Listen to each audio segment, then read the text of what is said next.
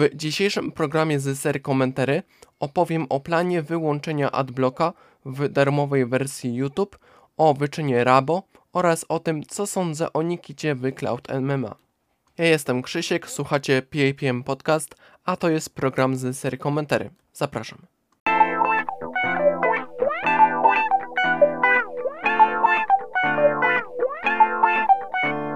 Niedawno pojawiła się informacja o tym, że YouTube walczy z adblockiem i będzie blokować transmisje na stronach, na których jest włączony adblock.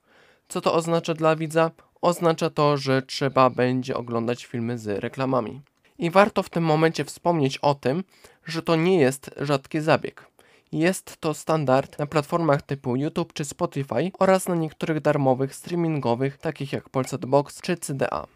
To, co bardzo mnie oburzyło, to tekst youtubera Konopski, że jak ktoś nie chce reklam, niech płaci. To jest prawda, ale to, co mnie oburzyło w tej wypowiedzi, to takie wrażenie, jakby każdy miał sporo kasy i mógł sobie opłacać setki platform.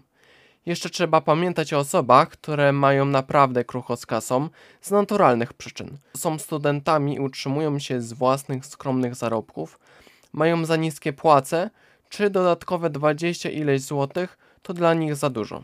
W lepszym świetle przedstawił to Gimper, który ukazał zmianę jako łagodniejsze niż ograniczone możliwości Spotify Premium, które nawet uniemożliwia słuchanie utworów, jakich się chce posłuchać. Trzeba pamiętać, że oglądając i słuchając reklamy, wspieramy twórców i platformy, dzięki czemu możemy cieszyć się ich twórczością.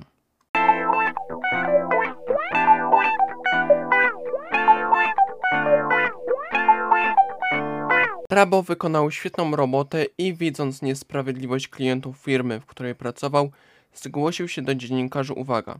Niedawno ukazały się dwa, trzy reportaże w ramach tego programu opowiadające o szkodliwych procederach firmy z elementami, można by powiedzieć okultystycznymi. Na dzisiejszym live Rabo ukazał swój żal z powodu niedostrzeżenia pierwszego swojego komentarza pod ostatnimi newsami Gimpera – jego zdaniem odpowiedź była ukryta z powodu użycia zakazanego słowa. Moim zdaniem jednak ten komentarz po prostu zaginął w odmętach masy innych i Gimper nie mógł go znaleźć.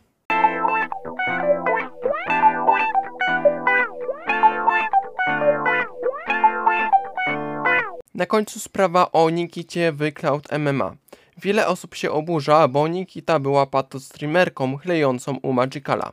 Z drugiej strony Lexi mówiła, że lubi patologię. Ja na to patrzę z innej strony. Kobieta z traumą jest wplątana w freakfighty, które wymagają zaangażowania i odporności na przemoc.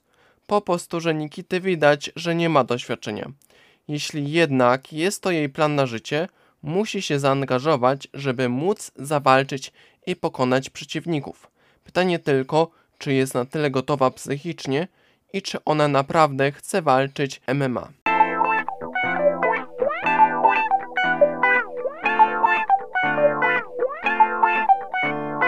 To by było na tyle serdecznie. Dziękuję Wam za uwagę. Ja jestem Krzysiek, a to było dzisiejsze komentary. Na razie.